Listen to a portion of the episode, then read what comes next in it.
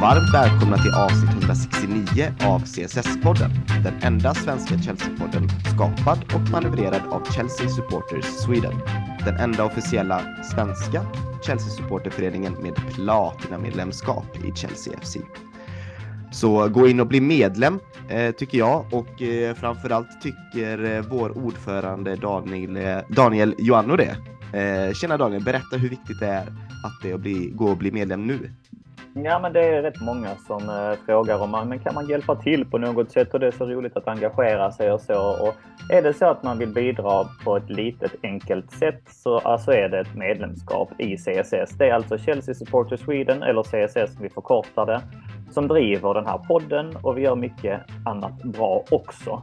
Ehm, det vet ni säkert, ibland påminner vi er om det. Vi, vi, vi skriver artiklar, vi förmedlar biljetter, vi för svenska Chelsea-supportrars talan, vi distribuerar, samordnar och samspelar bland mycket annat. Och att bli medlem i vår fina förening kostar bara 175 kronor per säsong och för det får man en medlemsgåva, en medlemstidning och ett personligt medlemskort. Och man får dessutom mycket lättare att köpa biljetter till Chelsea-matcher Um, om man nu skulle vilja åka och kolla på Chelsea någon gång så är detta liksom vägen in. Har man då ett kombinerat medlemskap i Chelsea så är det alltså vi som samordnar som, som liksom en biljettservice där man bara söker biljetter, betalar alltså utpriser, inga pålägg, inga, inga liksom eh, eh, andra avgifter, utan det är de priserna som vi har i klubben, vilket inte är alltför smidigt när man har det här medlemskapet. Dessutom har vi Platina-medlemskap som alltså innebär att det är väldigt mycket lättare för oss att få tag på biljetter. Speciellt då hemmamatcher. Framförallt får man en blå gemenskap också. Och, och, den gemenskapen tycker jag ändå är fin. Det är kul att vara med i en ideell förening på detta vis. Så är du Chelsea-supporter i Sverige så är det en självklarhet att sluta medlemskap i CSS. Och det är alltså också busenkelt. Man fyller i ett formulär och så swishar man medlemsavgiften avgiften, och det tar under en minut. Och information om hur man blir medlem och var formuläret finns, det finns alltså på vår hemsida på Svenska fans. Det är www.svenskafans.com england Chelsea. Och tänk nu på att nu är det inte så mycket, det här fönstret stänger alltså nu här i december. Så att eh, man har, har ni inte fått tummen ur så är det en uppmaning här inledningsvis i podden Gå in och bli medlemmar i CSS. Som sagt, fullständig information på vår hemsida på Svenska fans. Ja, då hoppas jag att ni hörde vad chefen sa, så in och lyssna och bli medlemmar. In och, in och bli medlemmar tycker vi och bli en del av den blå familjen. Eh, gillar du vad vi gör här på podden så kan man ju också bidra genom att eh, lämna fina reviews eller bra feedback och man kan göra det genom att bland annat lämna fem stjärnor om man tycker att vi är värda det på um, både på Spotify och på Apple Podcast vet jag att man kan göra det. Finns säkert eh, möjligheten på andra poddar också. Eh, det hade vi varit väldigt tacksamma över.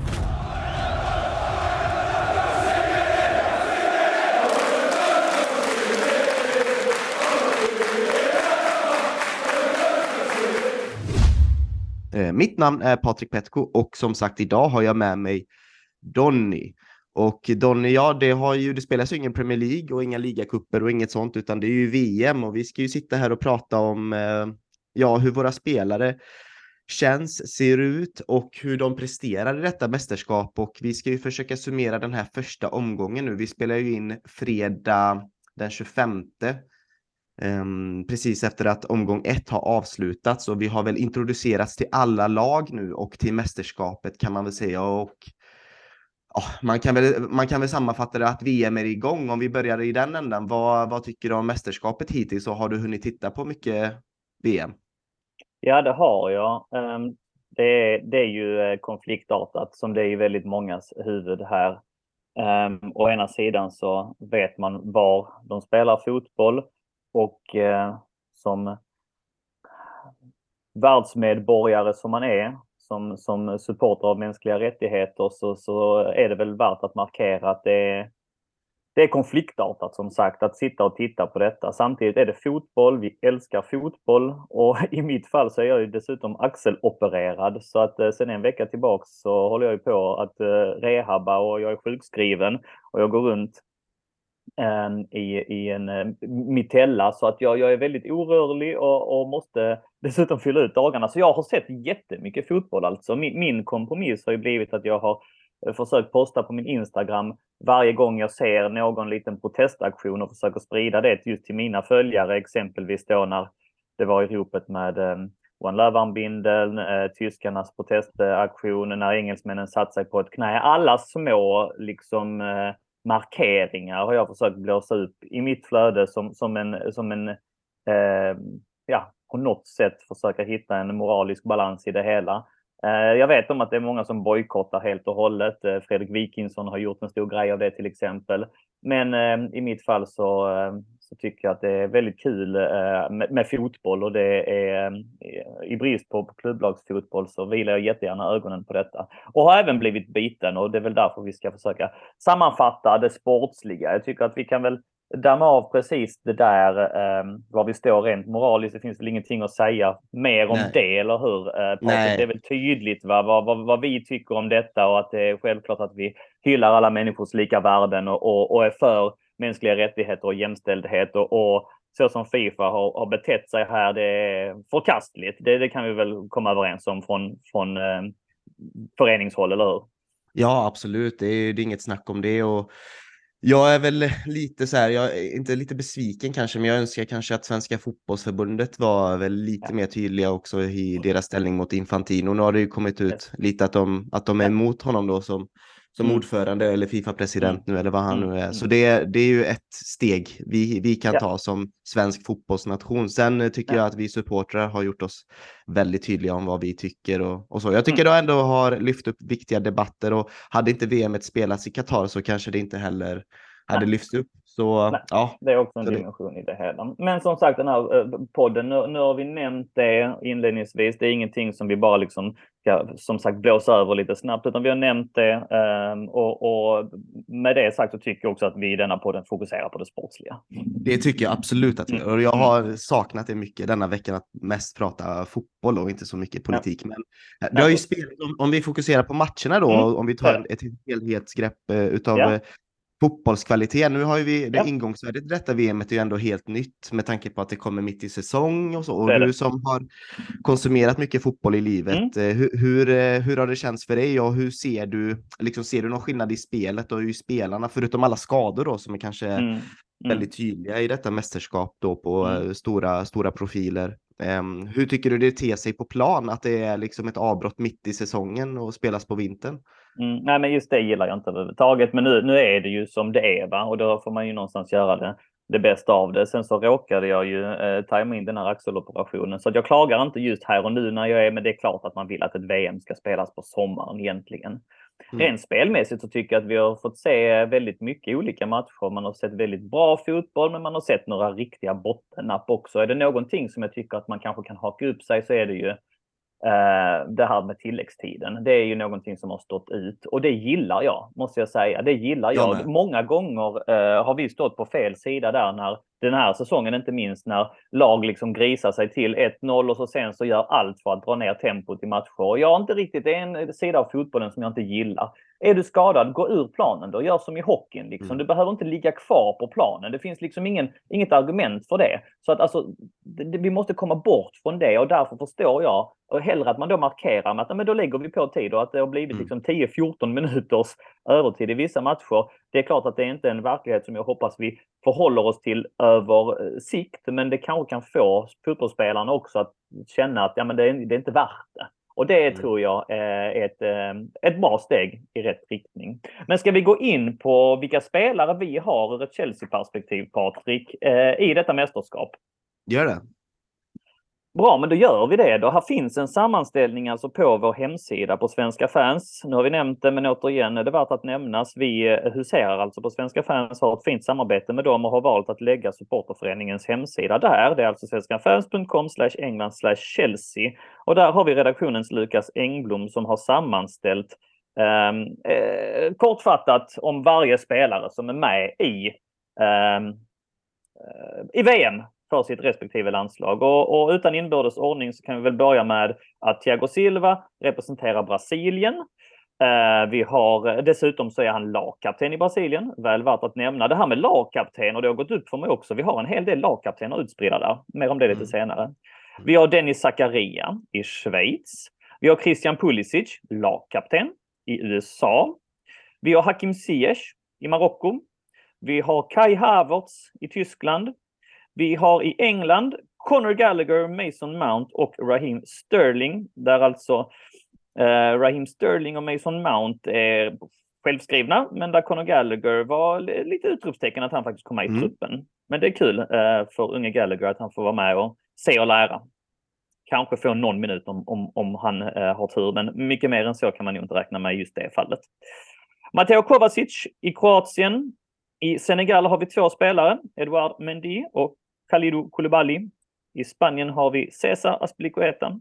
Sen har vi några utlånade spelare också som representerar Belgien i form av Romelu Lukaku, skadad, men är ändå med i Belgiens trupp. Och så har vi Ethan Ampadu i Wales. Um, dessutom har vi Babaraman som faktiskt är på våra böcker fortfarande och han spelar alltså i Ghana. Eh, Lukas Engblom eh, väljer att avsluta den här artikeln med att nämna några spelare som var aktuella men som av olika anledningar har missat. Och i England har vi då de, de mest eh, uppmärksammade fallen Ben Chilwell och Reece James eh, som båda blev skadade precis innan VM och som snubblade på målsnöret där. Mycket tråkigt. N'Golo Kanté borde nog varit med i Frankrike men eh, eh missar på grund av skada. Och så även Fofana skulle nog ha varit med i Frankrike. Vi har även då, eh, om man fortsätter i England, så eventuellt fanns det en sniff för Trevor Chaloba. Han missade. Ruben Loftus-Cheek och figurera tidigare, men var väl aldrig riktigt, riktigt aktuell. Eh, Kepa hade nog varit med i, i en av tre målvakter. Det är inte säkert. Man har många bra målvakter i Spanien just nu. Eh, men eh, ja, där också skada. Och, och eh, noterbart är väl ändå att eh, Kukureya, som alltså han är ju liksom ingen jätteyngling i sammanhanget längre. Han är 25, men han har inte gjort några landskamper knappt alls alltså. Det står på hans Wikipedia enligt min research att han har gjort en, men det står ingenting om när den var. Så att, så att eh, eh han är inte aktuellt, eh, aktuell i landslagssammanhang eh, och inte med i den spanska truppen. Armando Broja hade nog varit med i Albanien Eh, men de har inte kvalificerat sig. Och det har inte Gabon gjort heller, så att eh, Aubameyang får vi inte se heller och likaså gäller det för Jorginho. Eh, där har vi eh, själva listan och det är väl det som är förutsättningarna innan vi gick in i VMs första omgång. Mm, och jag, någonstans det här, det är lite konstigt att du inte ser Eden Hazard Belgien. Det är mm. liksom chockar mm. mig fortfarande. Efter att ha sett, efter att han har försvunnit någonstans från, från upp fotbollseten och mm. suttit bänkad i Madrid så blev jag ju mm. väldigt glad att se han spela fotboll nu eh, här senast faktiskt. Även ja. fast det kanske inte var en, en jättematch så var det kul att se Eden Hazard spela ja, nästan 90 minuter var det va? Han fick spela 85 mm. minuter eller något sånt mm, där. Mm. Men ja, det är, det är en samling bra spelare och det är självklart synd att man inte får se Rhys James och Ben Chilwell eh, förgylla den engelska VM-truppen. Så är det. Så är det. Mm. I alla fall i Rhys James fall så hade han ju förmodligen haft en startplats också. Men de eh, är relativt unga fortfarande grabbarna och kommer få mer chanser framöver. Så är det. Ska vi ta de eh, matcherna kanske i lite kronologisk ordning då och börja med, mm. med måndagsmatcherna där och ja. kanske kicka igång med där vi har den största poolen av Chelsea-spelare, vilket är självklart mm. det engelska landslaget då. Du nämnde Absolut. det med Conor, Conor Gallagher, han blev ju den 26 spelaren, han blev väl sist utvald i truppen där va? Just det. Just det. Så, ja, det är också det en sån liten markering här att han just har nummer 26 på ryggen, vilket eh, ja, talar väl en viss, eh, om en viss hierarki liksom.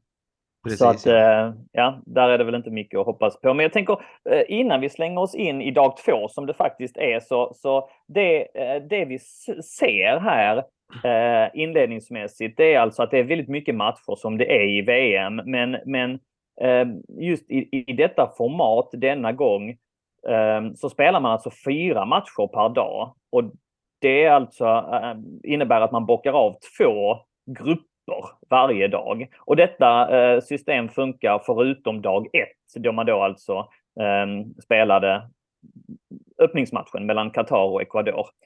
Um, och, och, det innebar att det bara då var tre matcher dagen efter, det vill säga på måndagen. Så på söndagen spelade man en match och sen så dag två då på måndagen.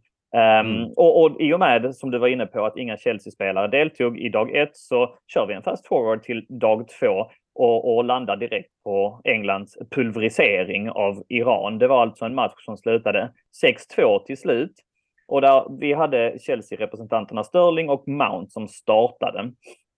Och eh, som vi var inne på Patrik, inte helt oväntat så var Gallagher, äh, Conor Gallagher, äh, han både inledde och avslutade på bänken. Mm. Eh, anmärkningsvärt i denna elva var väl ändå också att Maguire startade eh, före Ben White som har fått väldigt mycket ros den här hösten för sin säsong i Arsenal. Det fanns också lite frågetecken kring då Pickford Pope, där, där Pope, eh, många som, som ändå vill ha den långe, gänglige, ändå reflexsnabbe Pope istället för Pickford som också är ifrågasatt fram och tillbaka. Eh, men där tog eh, Pickford eh, bantarna. Även då alltså framåt var det ju lite frågetecken, men det blev ju alltså Xhaka, Mount och Sterling, eh, vilket innebar att bland annat Manchester City-spelarna Foden, Grealish fick börja på bänken.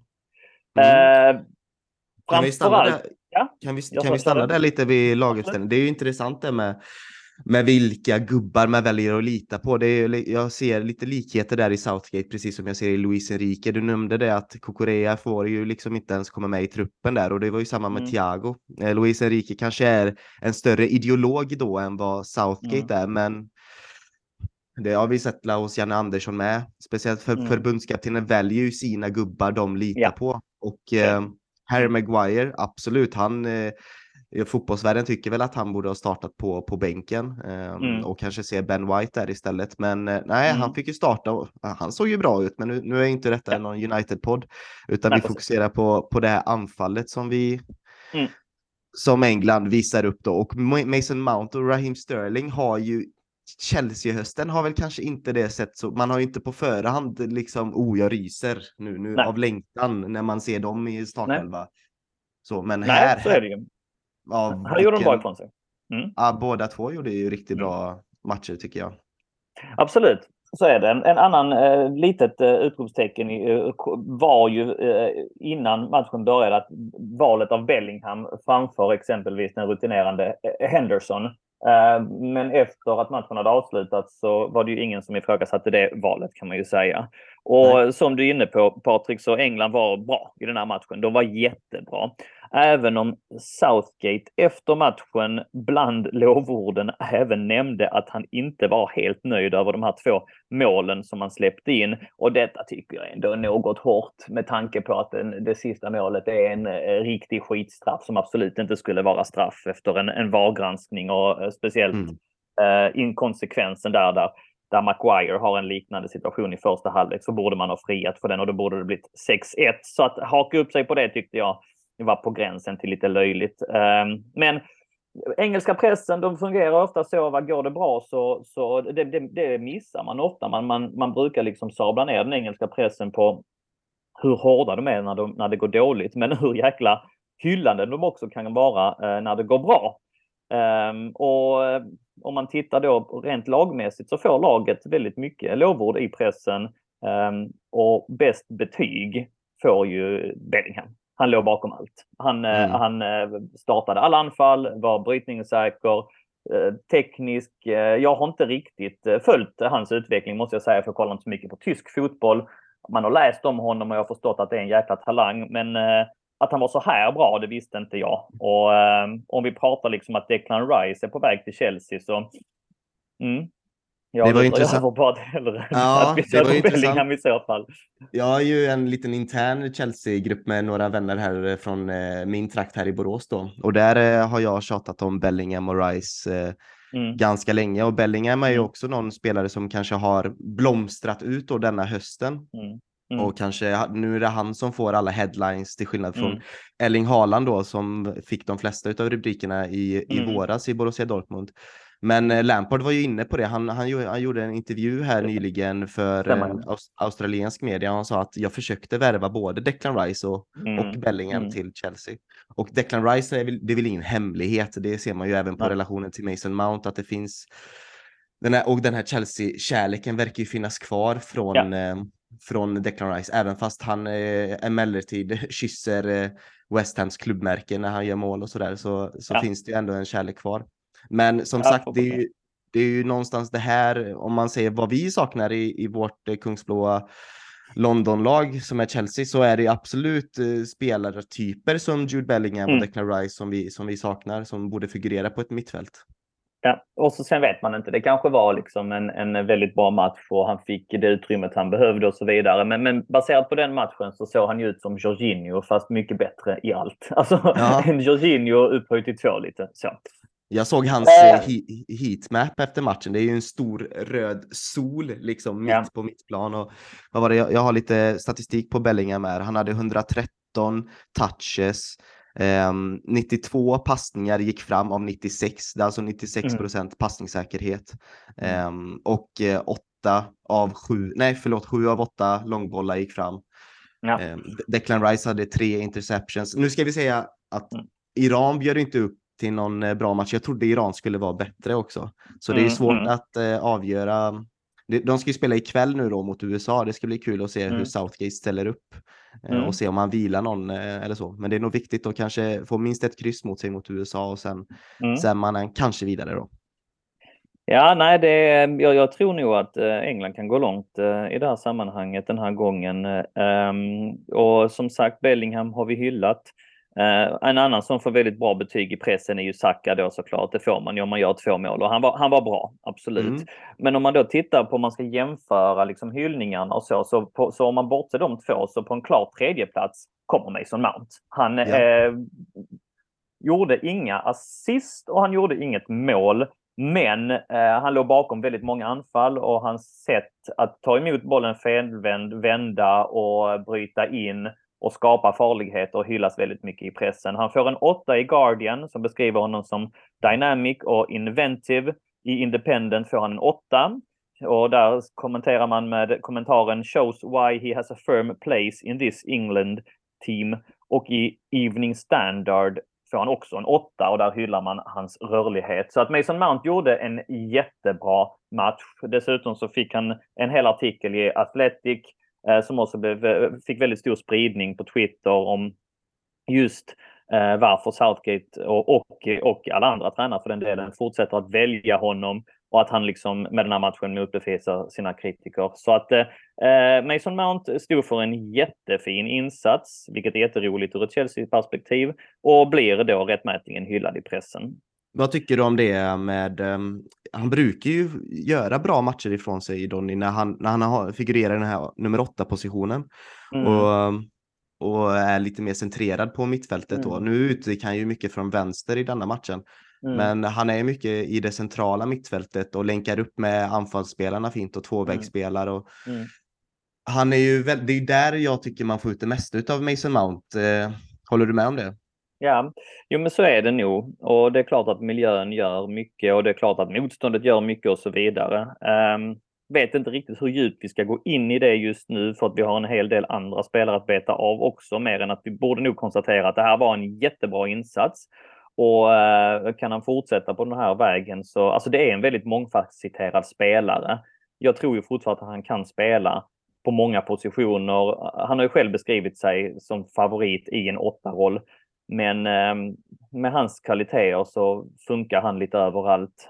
Um, återigen, kanske inte läge att uh, gå in djupare än så, Nej. känner jag. Jag tycker vi går vidare till eh, någon som helt plötsligt vet hur man gör mål och det är ju Raheem ja, Sterling. Vilket fint, eh, fint avslut där. Det var ett fint anfall hela vägen, men den, eh, ja, det är en bra touch. Jättefint. Mycket bra touch och, och eh, spelar även eh, fram till farligheter och rörlig på ett helt annat sätt. Eh, som sagt, även Sterling får väldigt höga betyg. Om, om, i, I min värld så, så tycker jag väl kanske då att eh, Mount eh, var bättre, men även Sterling får en åtta i Guardian. Always in goal scoring positions skriver man om honom. I Independent får han också en åtta och där menar man att, man att, han gav svar på tal till sina tvivlare. Och i Evening Standard ger honom också en åtta och, mm. och beskriver honom som very confident. Eh, och I vår VM-koll på Svenska fans så hyllar Linus Sjöström våra båda blå hjältar med orden kring Mount att hans prestation stärkte definitivt hans aktier. Och Sterling hyllar han med orden att han visade sig från sin bästa sida med såväl ett mål som med en assist. Som sagt, personligen jättekul när det går bra för Chelsea-spelarna. Mitt hjärta bultar ju lite mer eh, för England också, va? anglofil som man är. Va? Så att det är ju mitt, eh, mitt lag i denna turnering, nu när inte Sverige är med. Eh, summera kort, Mount jättebra, Sterling bra. Eh, så, Gallagher som sagt satt på matchen hela, eh, satt på bänken hela matchen. Mm. Och jag bara längtar nu till England-Wales nästa vecka. Det ska bli en riktig batalj. Det ska bli kul, men England har ju fått en flygande start här och innan dess så är det ju också som sagt USA idag, fredag, mm, i, i, ikväll. Så um, ska bli intressant att se också. Ska vi gå vidare till Ja, ja precis. Vi hittar ju segwayen här till just USA ja. som alltså ja. eh, samma dag mötte Wales. Den matchen slutade 1-1 efter att Timothy Vea gjorde första målet, framspelad av vem? Christian Pulisic. Och yes. fan vilket snyggt avslut. Alltså, det var riktigt fint avslut och fin assist fotbollsmål. Precis. Som sagt, kapten Pulisic, stor stjärna i USA, det vet vi. Eh, det här var en jämn och ganska tråkig match och eh, Wales reducerade som bekant på straff genom Bale i matchens slutskede. Det var inget orättvist resultat på något sätt. Eh, Pulisic gjorde en okej okay match. Han får hyfsade eh, betyg i pressen, bland annat då 7,5 av amerikanska CBS. Ehm, ja, det, det, är inte mycket mer att säga om den matchen. Noterbart är väl att Ampadu startade för Wales och, och även han fick ganska bra betyg mm. i pressen får man säga. Han fick en sexa av Wales Online, en sjua av iNews och en 7,5 av Daily Mail. Lite spridda skurar. Han satt dit några tacklingar och, och eh, pressen tar fasta på att han faktiskt startade på inommittfältet och gjorde det bra då. Speciellt med tanke på att han eh, mest har spelat mittback de senaste åren. Enormt smolk i bägaren för Ampadus skull är att han gick ut skadad. Och här har jag försökt leta på info om skadans vidd, men det finns väldigt dålig info. Det man vet är att han ska bli assist och eh, men det såg inte bra ut. Han försökte spela vidare och klarade inte det och i slutminuterna så eh, ja, blev han utbytt. Som sagt tidigare, eh, USA möter, möter England och Wales möter Iran. Här, eh, när den här podden släpps så har de förmodligen mött varandra redan för att vi mm. spelar in Klockan är just nu halv elva och den här matchen börjar klockan elva. Så att eh, eh då får vi veta mer. Eller i och för sig, då kanske vi kan ju, då, titta här vad jag kom på. Lag, då kan vi kanske googla fram laguppställningen såklart. Ja. Så mm. det, det, det, det, ska vi göra direkt. Medan du gör det, medans du gör det så vill jag fastna där lite vid, vid Pulisic. Han har ju fått en hel del kritik så från oss eh, här i podden och vi väntar väl också på att han ska explodera sådär och vara den här spelaren han var kanske under hösten under Lampard. Men vi kan ju spoila lite här nu eh, Donny att det kommer vara ett gästinspel utav Kevin Bader mm. lite längre fram i podden då eh, mm. ni, två, ni två pratade Tyskland och Kai Havertz eh, igår. Och det mm. kommer vi ju klippa in här. Eh, väldigt eh, bra samtal var det, så vänta gärna och lyssna på det. Eh, mm. Men där nämner ni ju att, för där, där tar ju Kevin Bader är ju ett stort Havertz-fan och han tar ju honom lite i försvar här, eller brukar han mm. väl göra. Mm. Och där mm. nämner han att Havertz bara är 23. Mm. Pulisic är bara 24. Ja, precis. Och han blev 24 i år. Det är mm. värt att nämna. Nej, han, och, och han är ändå eh, kapten i det amerikanska landslaget ja. och, eh, som är fyllt av ung talang. Och mm. eh, jag tycker han ser bra ut. Ja, när, när fokuset mm. och spotlighten är på honom och han är the man. Mm. Så, ehm, så ser han bra ut. Jag tycker han tar det ansvaret med, med bravur faktiskt. Ja, mm. nej, jag, jag hoppas du har rätt. jag har inte gett upp på honom än också. Jag tycker också jag ser att det finns en opolerad diamant någonstans. Angående ja. Ampadu så startar han alltså den här matchen. Eh, laguppställningen har ju som sagt släppts och han eh, är väl sunt att anta att han har skakat av sig den där skadan då. Han startar på innermittfältet igen mm. bredvid Wilson Härligt. och eh, Ramsey. Så att eh, ja, kul, kul för Ampadu. Ehm, sista matchen att bita tag i i dag två om det är okej okay att vi går vidare så att vi inte blir alltför långrandiga. Ja, ja, men då förflyttar vi oss till matchen mellan Senegal och Holland. Och där har vi alltså Edouard Mendy i mål, men även kapten då, Koulibaly, i backlinjen. Mendy, som förra året var hyllad som världens bästa målvakt, men som detta år varit oerhört formsvag och ifrågasatt. Alltså, han, han blev ju alltså petad av Kepa, eller han var ju skadad, Kepa tog eh, platsen, gjorde det bra, fick fortsätta spela. Eventuellt ett litet, litet uppsving här sedan Kepa blev skadad och Mendy återtog platsen mellan stolparna. Men med tanke på hur det har gått för Chelsea eh, generellt den här hösten så han behöver lite starka insatser i detta VM för att bygga självförtroende. Och ja, Patrik, hur gick det då?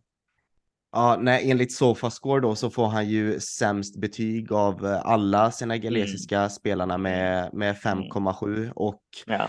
alltså förmodligen är det väl det här sista målet han släpper in då som kanske visar ja. att eh, nej, han är inte i form och nej. det är en väldigt svag retur han gör det som leder till 2-0 målet. Nu kanske matchen redan var körd, men det är inget självförtroende och min fråga till dig är vad, hur kan en spelare som var kanske i tillhörde målvaktseliten ute i världen tappa så mycket självförtroende så, så snabbt. Det är inte ofta man ser det. Alltså.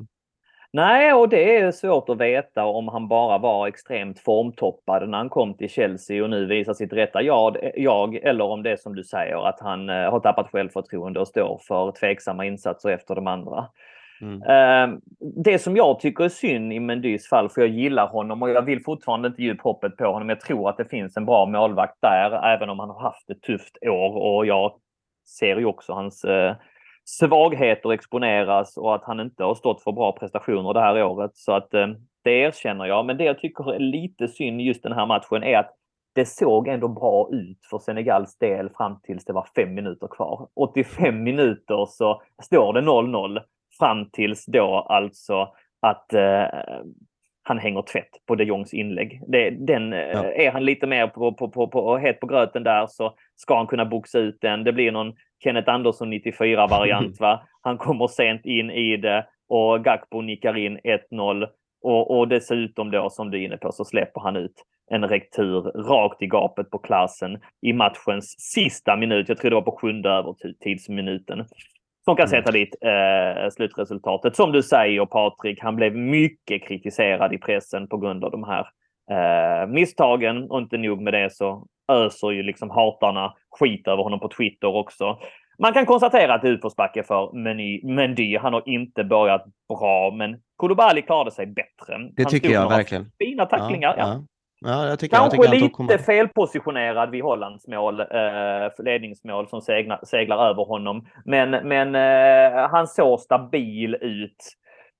Så stabil ut som man kan göra när man förlorar med 2-0. Det... Men ja, det är ett riktigt kvalitetsinlägg av eh, de Jong också och fint avslut av Gapco med. Det ja. får man inte ta ifrån dem helt, Nej. Eh, tycker jag kanske. Ja. Men eh, gud vad Senegal saknar eh, Sadio Maneva. Det, det gör ja. de. Ja, ja, det gör de. Det var inte mycket offensiv flärd i den matchen från deras del. Eh, för att knyta ihop den eh, säcken, den matchen och den dagen så kan jag bara säga att eh, redaktionens Sigge Öjer i vår VM-koll på Svenska fans återigen, in där och läs dagligen.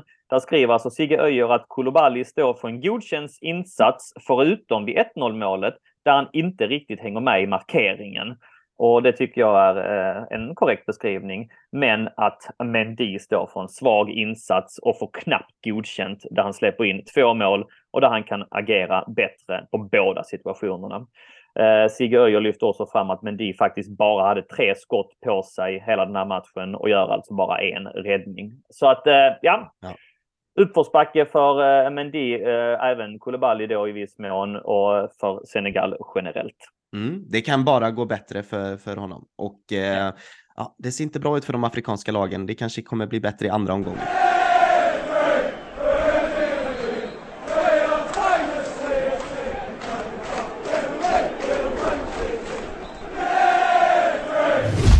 Så ska vi skippa tisdagsmatcherna? För det var länge Chelsea spelade med... Eh, Nej, precis. Det är alltså dag tre. Vi kan blåsa över den lite snabbt. Vi, mm. vi eh, det var inga Chelsea-spelare som du är inne på när Argentina fick stryk av Saudiarabien, när Mexiko och Polen kryssade och, och när Danmark och Tunisien kryssade. Men, eh, avslutningsvis just på denna dagen kan vi väl notera att Frankrike stod upp mot Australien då med, i takt med att eh, många jättar har fallit, eller i alla fall två jättar. En har vi mm. nämnt här precis och en kommer vi nämna.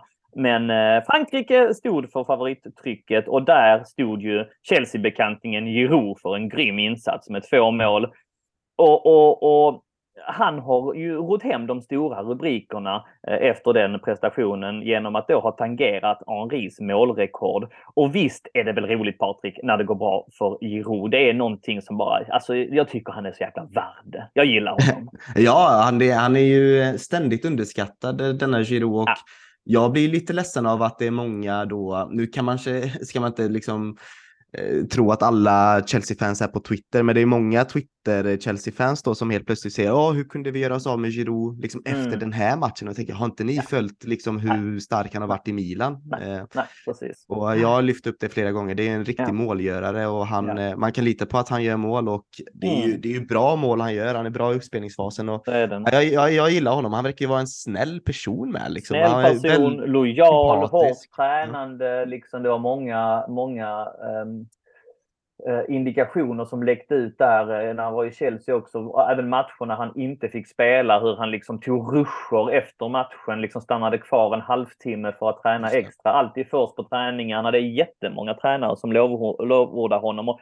sånt gillar man ju. Så att eh, en, en, en liten applåd till Giroud och hoppas han gör fler mål så han inte bara kan tangera det här Henri-rekordet utan alltså även gå förbi honom. För att Giroud gjorde ju inte sin debut för, i franska landslaget förrän han var 25 år gammal. Och, Nej, det är helt otroligt. Helt ja, det är det. Och han har aldrig ja. varit någon riktig nyckelspelare, men han lyckas Nej. ändå liksom grisa sig in. Lite flyt här nu att Benzema blev skadad kanske. Förmodligen hade väl Benzema, liksom guldboltsvinnare, annars tagit hans plats. Han hade fått finna sig i en uh, bänkroll. Men ja, jättekul att han rose to the occasion och uh, mm. gjorde två mål. När, uh, och visst, visst då... gjorde inte han något mål då 2018 när de vann? De gjorde, han gjorde väl inte ett enda mål då, tror jag? Oh, det är så långt gått. Ja, nej, men jag tror, jag... Frågan är om han inte gjorde ett eller... Ja, ja, nej, det vågar jag inte uh, ha Jag tror inte han gjorde men... ett enda mål. Ja, det är möjligt. Han... Det är möjligt. Ja, ja, ja. kanske blir kritiserad också då. Ja. Ja, ja. ja, det är någon klocka som ringer där. Härligt. Ska vi hoppa över då till eh, onsdagens eh, matcher då? Och där kan vi väl kicka igång med en annan. Vi nu nämnde den första skrällen där med Argentina och Saudiarabien. Argentina mm. som för övrigt är mitt lag i detta mm. mästerskap mm. och inte England då som man kanske kan mm. tro att det är, utan det mm. är Argentina. Men en annan som åkte på en stor skräll, det var ju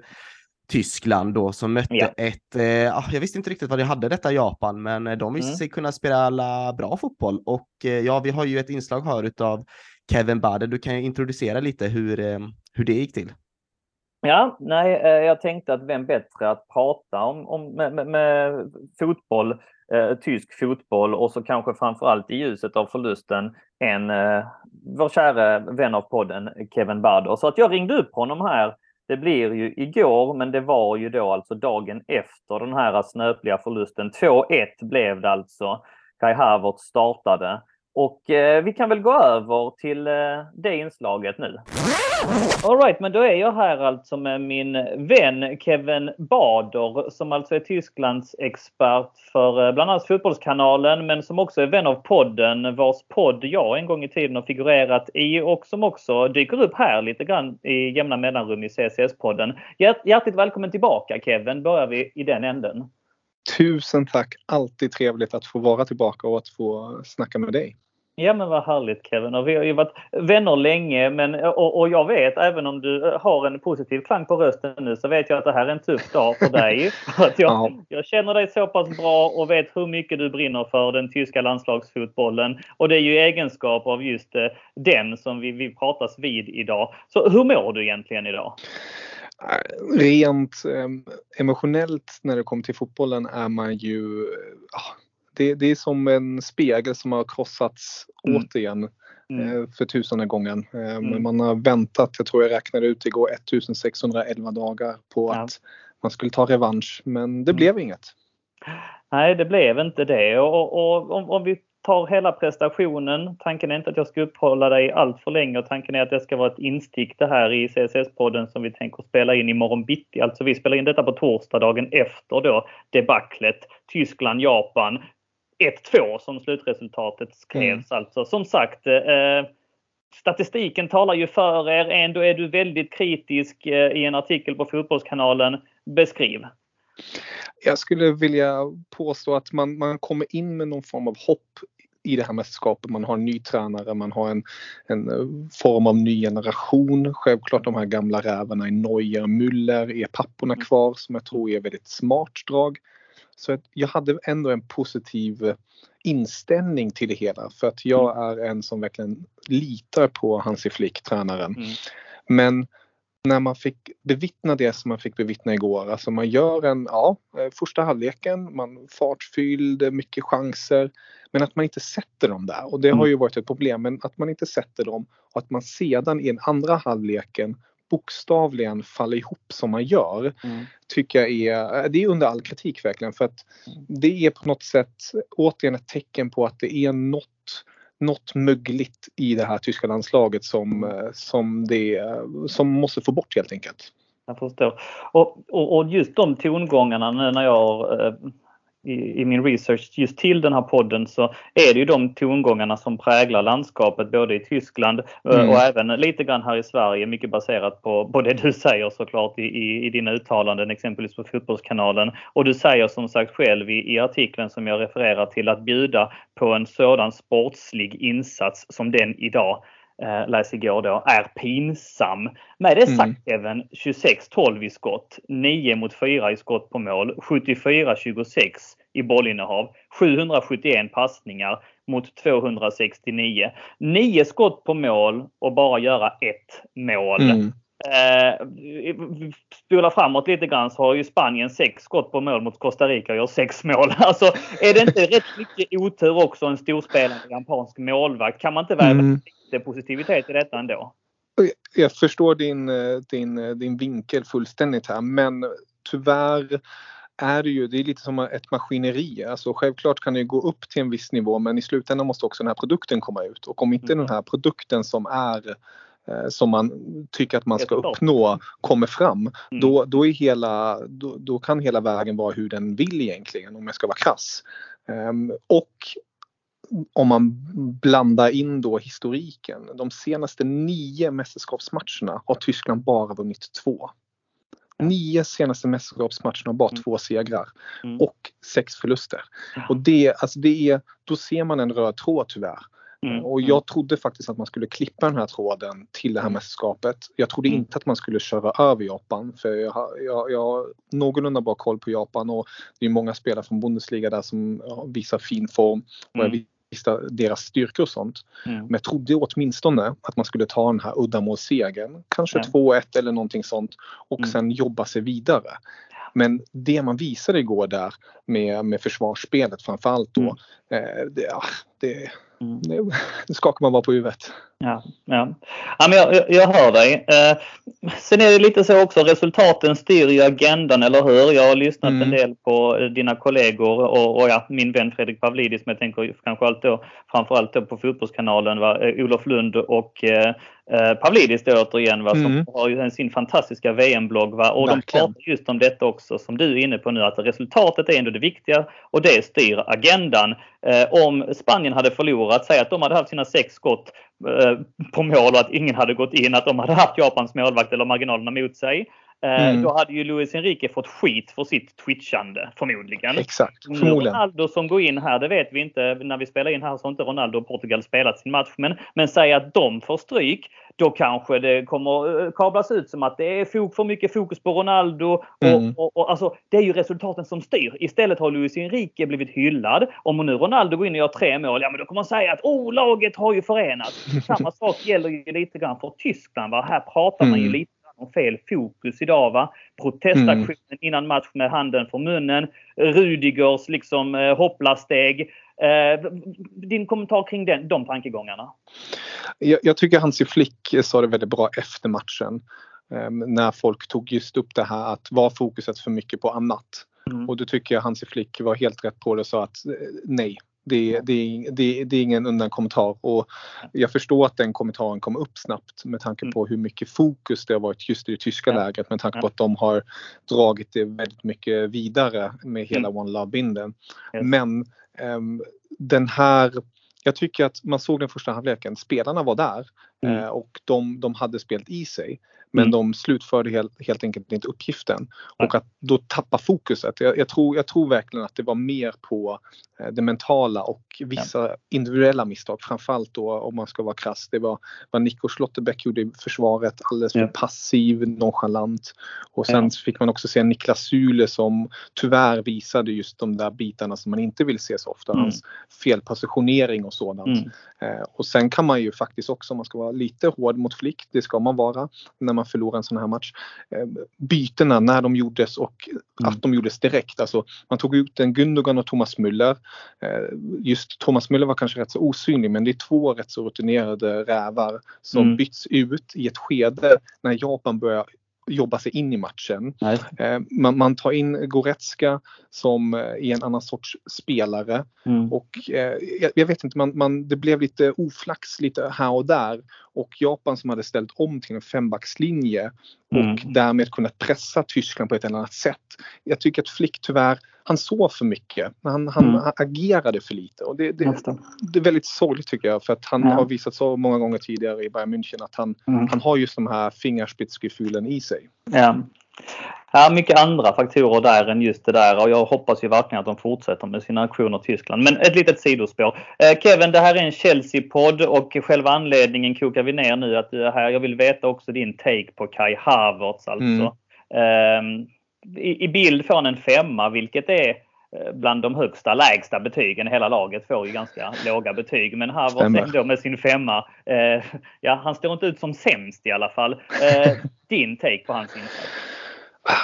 Ja, jag, är, jag är ett stort Havertz-fan, det vet du ju sedan innan. Mm. Ehm, jag är dock lite tveksam om han är den rätta personen i eh, egentligen det som Tyskland ska spela, den sortens mm. fotboll de ska spela. Mm. Eh, vi vet ju att en Timo Werner egentligen hade varit en anfallare i startelvan om han hade varit frisk. Mm. Den här lite mer, eh, han som öppnar upp lite mer och springer betydligt mera. Mm. Eh, sedan tycker jag att Havertz får mycket skit i en position som är väldigt svår att hantera med tanke på, på läget. Mm. För att jag tycker att så som Tyskland spelade igår, det, det gick alldeles för långsamt bakifrån. Man fick bollen alldeles för långsamt upp till Gundogan och Kimmich som skulle egentligen sätta igång det här kombinationsspelet. För mm. när väl en spelare som Musiala eh, eller Gnabry kommer med fart och har en Kai Havertz framför sig och kan göra det här väggpassningsspelet. Då är Kai Havertz, han är, han är the man på det sättet. Men man kom alldeles för lite till de lägena. Mm. Eh, samtidigt bedöms han som en anfallare då han spelar mm. falsk nia och då måste han göra mål. Han gjorde ju mål igår men mm. han var offside. Eh, så det är ju solklart, precis mm. verkligen. Mm. Så där tyvärr, alltså det är mycket press och otacksam press på, på Kai Havertz skulle jag vilja mm. påstå. Mm. Eh, säg mig nu eh, framåt för Tysklands del. Spanien eh, väntar härnäst. Kanske inte eh, den mest tacksamma motståndaren att ha efter eh, den här uh, fadäsen. Mm. Vad, vad, säger du om Tysklands chanser generellt och vad säger du också om Harvards chanser att starta och kanske sätta en annan prägel på matchen? Tysklands chanser generellt? Um, alltså hjärtat vill ju säga att nu, nu jävlar, det är en final. Uh, Müller sa det igår, nu, nu, är det, nu är det bara finaler som gäller, man måste vinna varje match. Och den inställningen vill jag ha att Tyskland ska gå in där och ta det. Um, samtidigt med tanke på hur Spanien såg ut igår, uh, vilket självförtroende de kommer in i ja. och att de har den styrkan gentemot vad Tyskland har för svagheter bakåt så Nej, jag tror att den här matchen kan sluta oavgjort och då är det kört för Tyskland tyvärr. Det mm. det, så, men jag, självklart eh, hoppas och tror jag in i det sista att de ska, ska lösa det men eh, mina förhoppningar är inte så höga med tanke på hur det såg ut igår.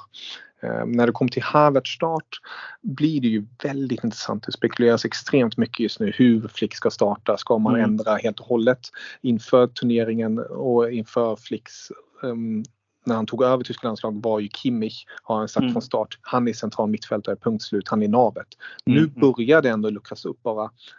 Vad fan, Kimmich måste kanske spela högerback. Mm. Och om Kimi spelar högerback då har man kanske Goretzka och Gundogan inne eller man mm. kanske spelar med en annan sorts formation. Och då kanske Kai Havertz eh, ställs åt sidan för att man vill mm. få in en, en Mario Götze eller något sånt. Så jag, jag skulle vilja säga att inte ens Flick vet just nu hur han kommer ställa upp på söndag. Nej. Men eh, lite osäkert ändå alltså på uh, Havertz uh, medverkan? Ja, jag skulle väl säga att han jag tror, jag tror att Flick kan definitivt göra ett, ett tydligt tecken. Eh, jag skulle inte bli helt förvånad om man till exempel skulle spela med eh, en treman mittfält med Kimmich, Goretzka, Gundogan och sen framför eh, Gnabry, Musiala, Müller.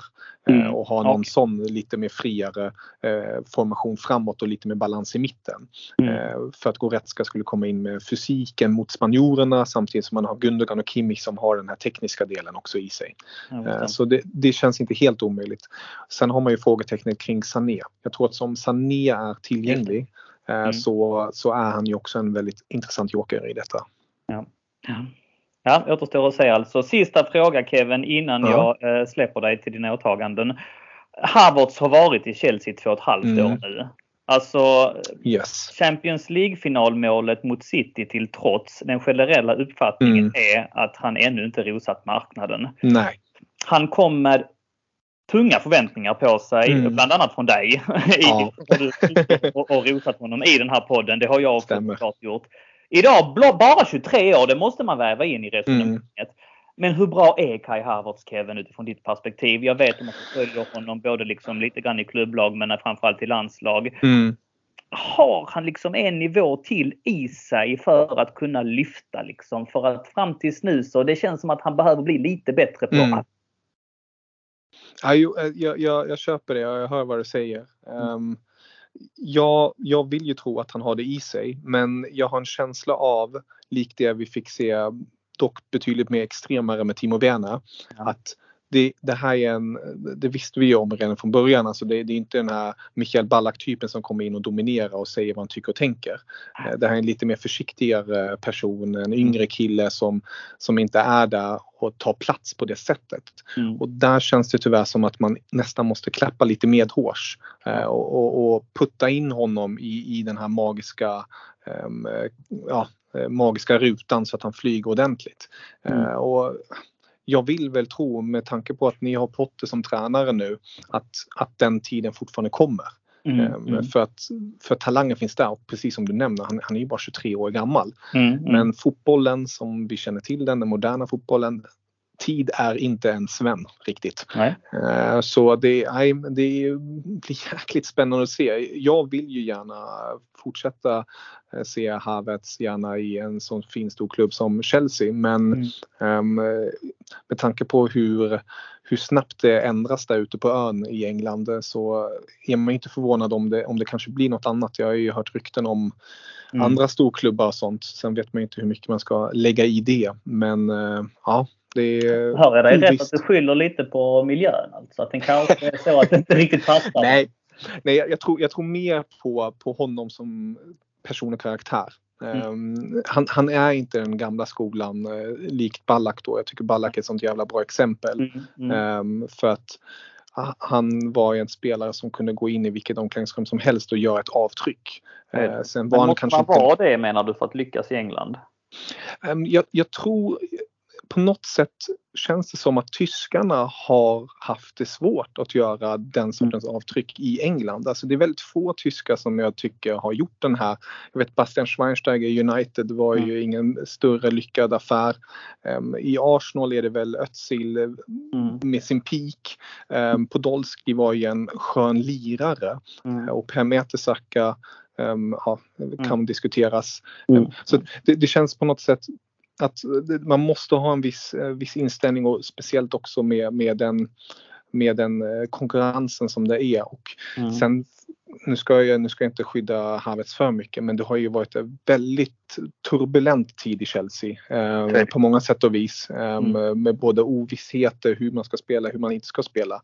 Ja. Och jag vill, jag vill väl ge honom en chans till i Chelsea och säga ge Potter den här tiden nu mm. att komma in i alltihopa och ge, ge Potter möjligheten att använda Havertz. Och om mm. det inte funkar då, ja, då får man kanske säga ja, det, det ville sig inte för honom. Men vi ger inte upp hoppet. Skönt.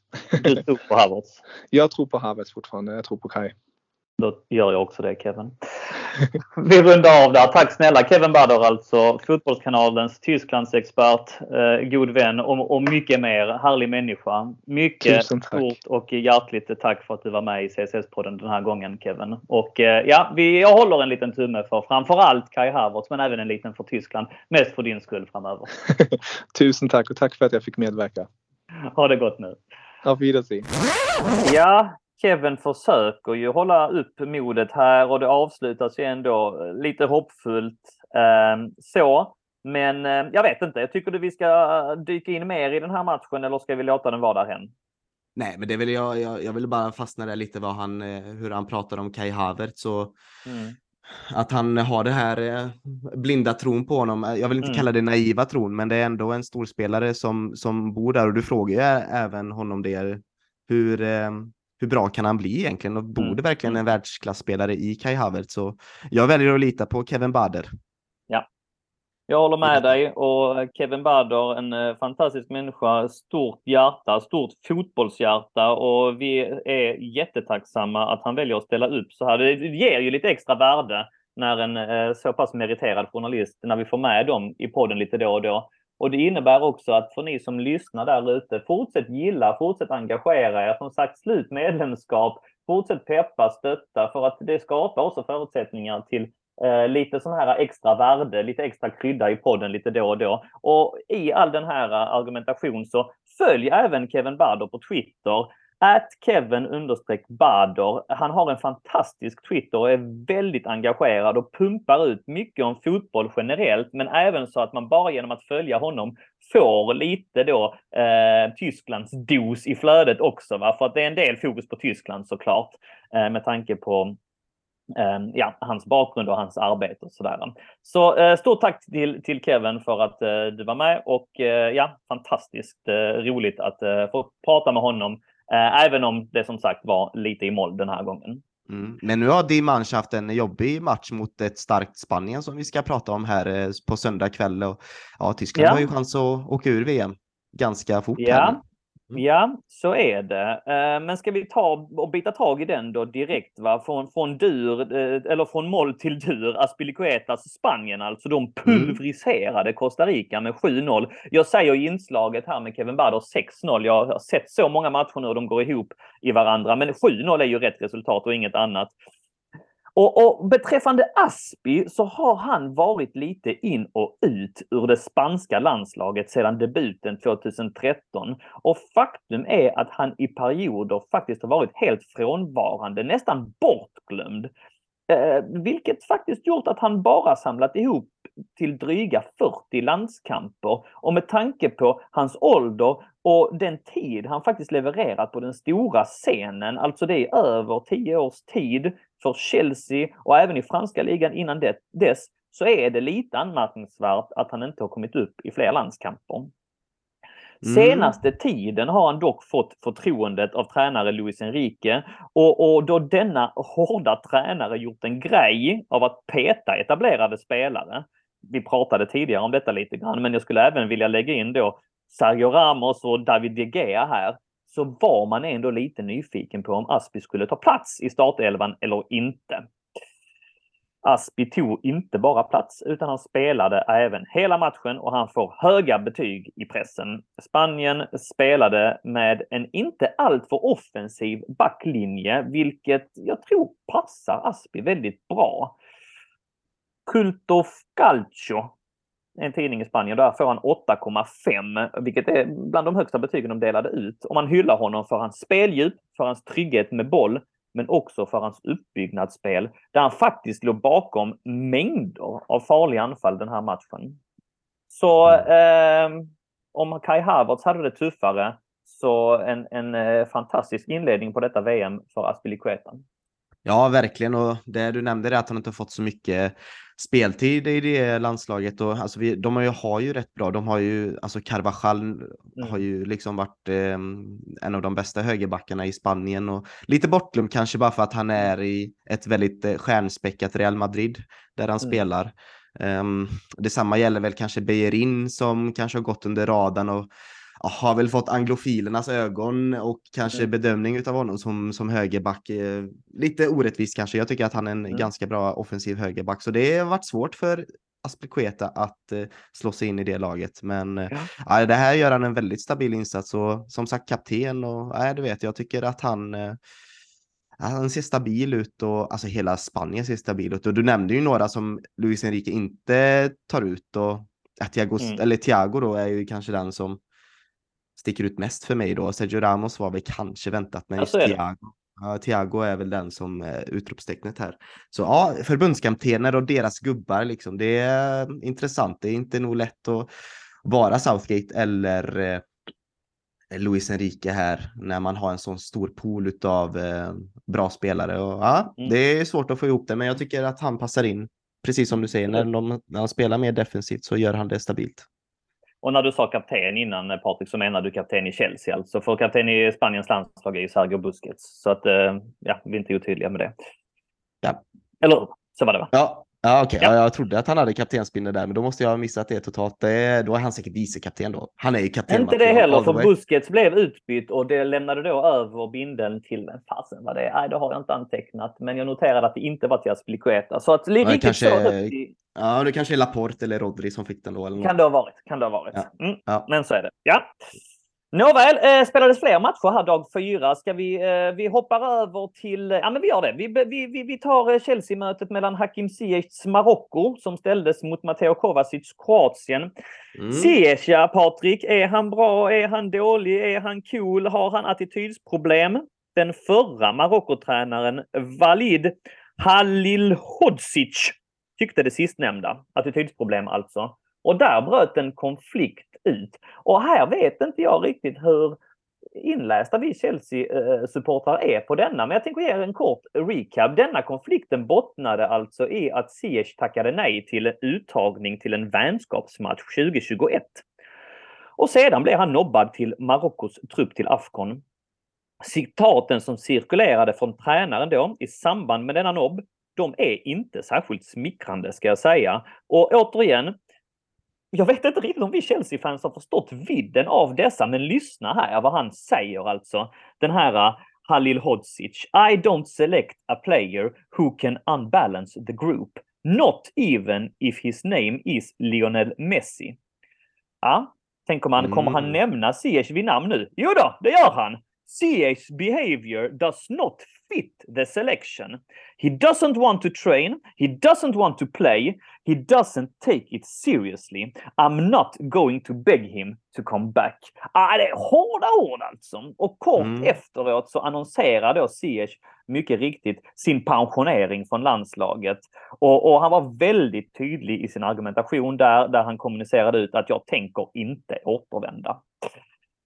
Vad hände lite senare? Jo, augusti i år så sparkades Halil Hodzic och nya tränaren Valid Regraoui, om jag, ja, lite reservation för uttal, uttalet där. Han tog över och Ziyech var tillbaka. Där har ni alltså lite kuriosa kring Ziyech och varför han är med. Eh, för mig är han och starta gjorde han. Mm. Någon kommentar kring Ziyech innan jag går vidare? Nej, men det, jag får ju lite Asso Ekoto-vibbar utav Hakim Ziyech eller kanske Mario Balotelli utan aggressionsproblemen. Ja. ja. Han är den typen av humörspelare som ja. förmodligen behöver en väldigt, väldigt, han är väldigt nog beroende av eh, sin miljö för att han ska kunna prestera. Alltså ja. ingenting, ibland är det ju få grejer i livet som är mer läckert än när han eh, använder sin vänsterfot och gör en vacker crossboll. Eh, ja. Det måste man ju ändå understryka att det finns kvalitet i den foten, men det är ju, man blir ju irriterad på dem som fotbollsspelare. Det är ja, men jag visste vill... inte att det var så här brutala ord måste jag säga förrän jag gjorde researchen riktigt ordentligt. Alltså det här är ju något oroväckande och de fragmenten har vi sett här i höst också med diverse Instagram-utlåtande och sånt från, från Ziyech. Men jag tänker nog om det. I andra läget har vi Kovacic och han är ju eh, stabil och, och, mm. och given startspelare. Men matchen då? Ah, sömnig. 0-0. Varken Ziyech eller Kovacic gjorde några, något större väsen av sig. Och så här skriver redaktionens Sigge Öjer om våra blå, blå krigare i den matchen. Ziyech försökte komma loss från sin vänsterkant några gånger i början av matchen, men kom aldrig till några riktigt farliga lägen. Han hade en farlig frispark i första halvlek som tog i muren. Matteo, Matteo Kovacic spelade relativt bra matchen igenom tillsammans med sina mittfältskollegor tills han blev utbytt i matchens 79 minut. Kovacic har dragits med några mindre skador den senaste tiden och kommer nog in i turneringen med en lite längre startsträcka än övriga spelare. Mm. Alltså Sigge Öjers utlåtande på vår VM-koll på svenska fans. Det känns stabilt och tryggt. Ja, ja. Så är det. Um, vi har gått igenom eh, med det. Ja, det är konstigt. Det är ju konstigt att vi inte berör Belgien, Kanada, även fast vi mm. kanske borde göra det så är det ju konstigt som sagt att vi inte berör Eden Hazard. Och... Ja, men, ja, men, men vi gör det lite snabbt och det spelades ju en match till alltså denna dag. Den är ju den mellan Belgien och Kanada. En väldigt underhållande match. Så en av de matcherna som jag faktiskt tyckte var, var mest spännande, mest för att jag blev så eh, förvånad över hur bra Kanada spelade och de var värda ett bättre öde där alltså. Eh, 1-0 blev det till Belgien. Men eh, ja, Chelsea-spelaren Hazard har vi nämnt, eh, eller före detta Chelsea-spelaren ska jag säga och ingenting annat. Han startade och blev utbytt, men det var ju en annan före detta Chelsea-spelare. Batshuayi, så att ni har koll på det. Eh, det var han som avgjorde och han är ju inte Chelsea-spelare längre. Han är ju alltså uh, såld så, så ja. ifall, det är ibland svårt att reda ut hela den här äh, utlåningscirkusen. Men, men, men han, han, han har även börjat sitt Fenerbahce-äventyr genom att ösa in mål i den turkiska ligan. Han gjorde alltså matchens enda mål här när Belgien vann. Återigen, lite orättvist men nåväl. Lukaku däremot tillhör ju fortfarande Chelsea och därför är det väl värt att blåsa över den här matchen. Men som sagt, skadad och eh, spelade inte. Eh, han är dock med i truppen och eh, hoppas att han kan skaka av sig den här skadan och figurera lite längre fram. Han förväntas komma tillbaka till eh, tredje spelomgången och är man redan klar då så kanske mm. han bara får några minuter där och så är han redo för ja. slutspelet sen.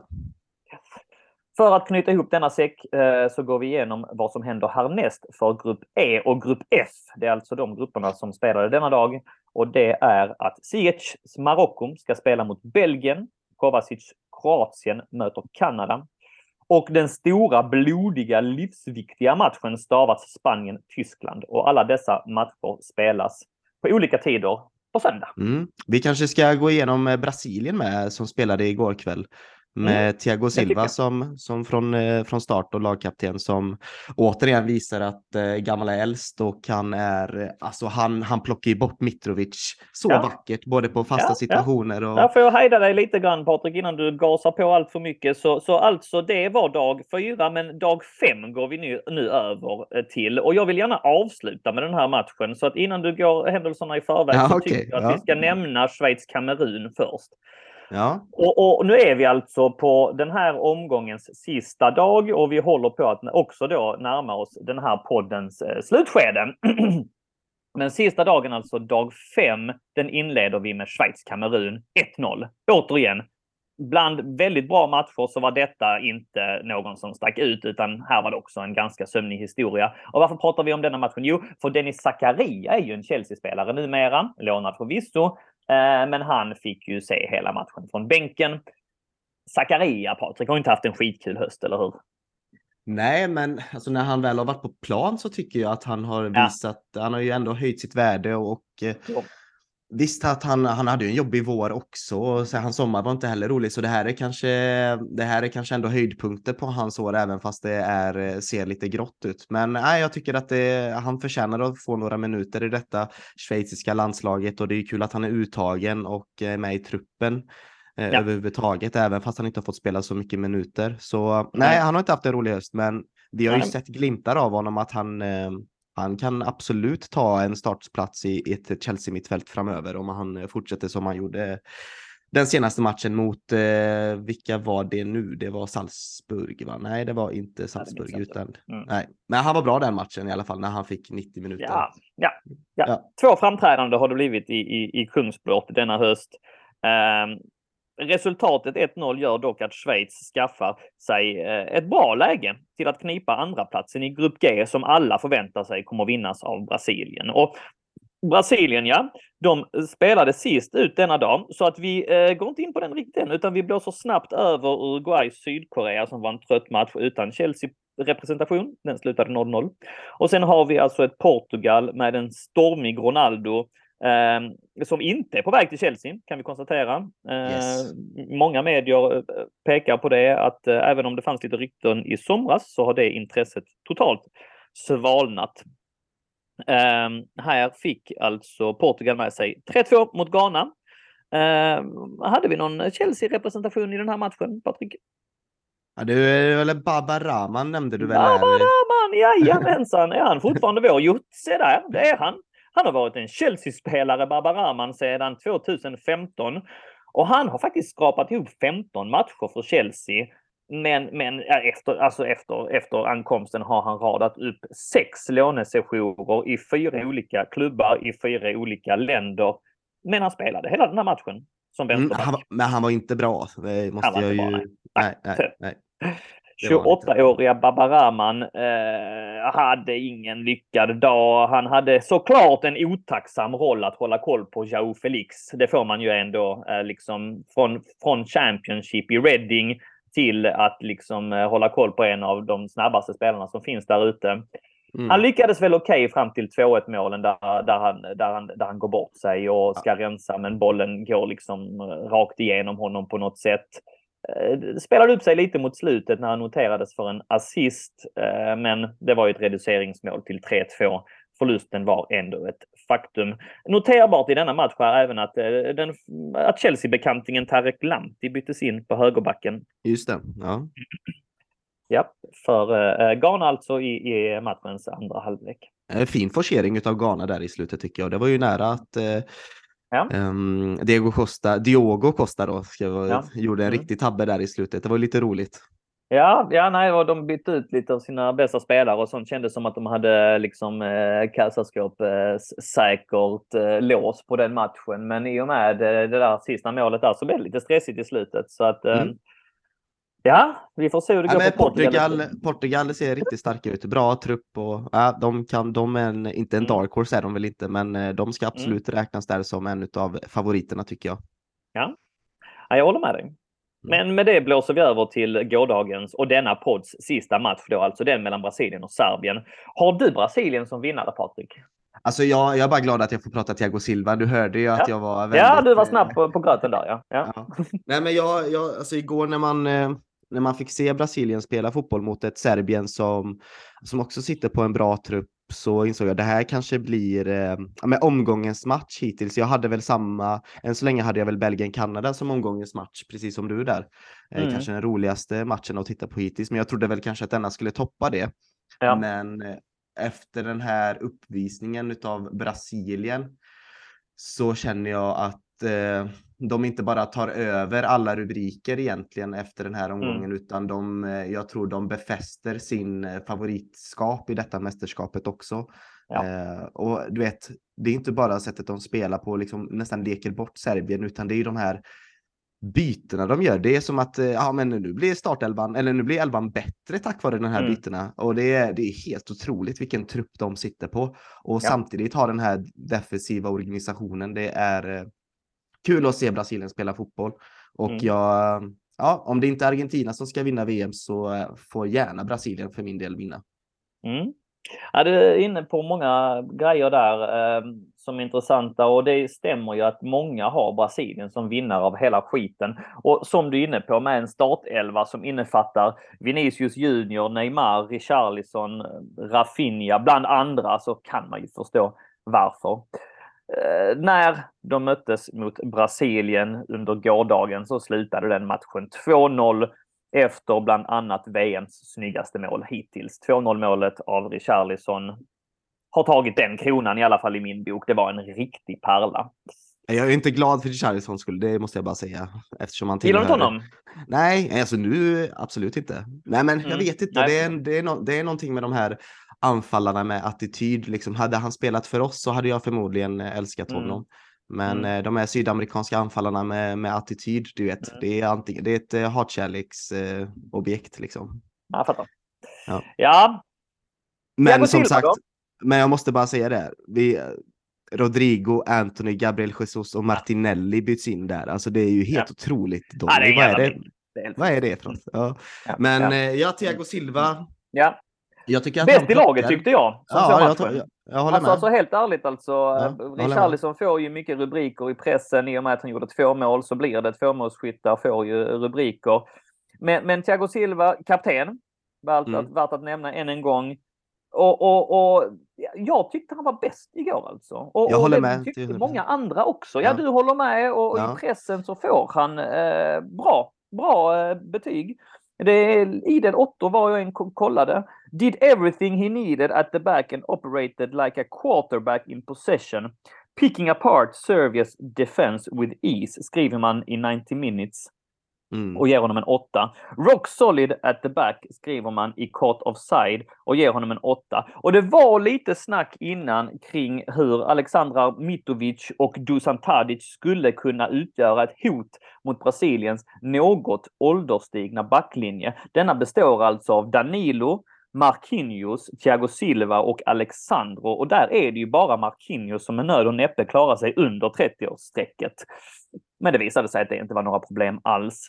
Brasilien dominerade denna matchen och eh, ser mycket, mycket starka ut.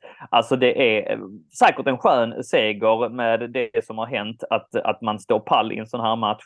Och, och, och eh, Sigge Öijer summerade på ett bra sätt tycker jag. En skön seger för favorittippade Brasilien och för en av världens bästa försvarare, Thiago Silva.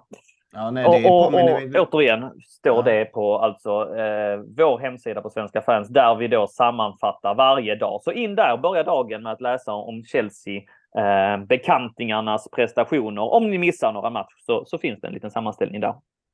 Det påminner mig lite om det här eh, den backlinjen som Italien hade under Eu- Europamästerskapet med Chiellini och Bonucci och sådär. Att Mm. det är liksom de här gamla rävarna, de vet. eh, Ja. Liksom. Så jag, jag ser ingen problem med en, eh, en gammal backlinje om man ska säga så.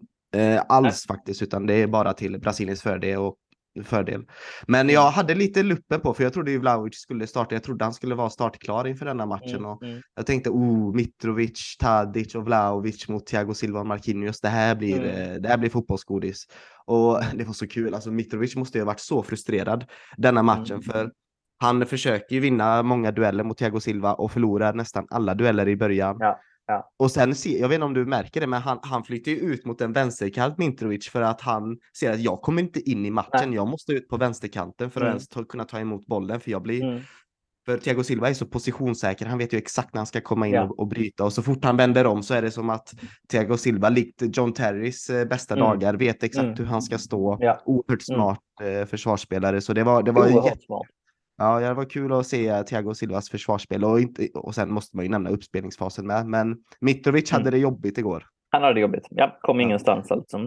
Nej. Zacharias Schweiz möter just Thiago Silvas Brasilien i nästa omgång av Grupp G i en match som spelas på måndag. Och Mm. eh, för Babaramans del väntar alltså Sydkorea i Grupp H samma dag. Är- Med det, det så har vi summerat hela första omgången Patrik. Ja, är det någon match du ser extra fram emot nu för omgång två? Jättemycket ser fram emot att eh, redan nu när vi lägger på med dig eh, kolla hur Ampadu gör det för Wales. Det är ju det färskaste på näthinnan nu för att den matchen spelas med start Mm. om bara några minuter. Men eh, omgång tvås eh, England mot USA som spelas ikväll, den, den ser jag fram emot jättemycket också. Så att eh, ja, någonstans eh, ur ett rent sportsligt, perspektiv nu när det är som det är. Vi har landat i vad det är för förutsättningar som gäller så är jag ändå glad att det finns så mycket fotboll som man kan titta på. Eh, och, och glad att kunna titta på fotboll ur ett relativt neutralt perspektiv som, som inbiten Chelsea-supporter. Jag tror väl kanske att du kan relatera till det också. Man lever sig in, man tycker att det är jätteroligt när det går bra för ens lag, men man blir påverkad när det går mindre bra för ens lag och det har varit en utmanande höst utifrån de termerna så här långt.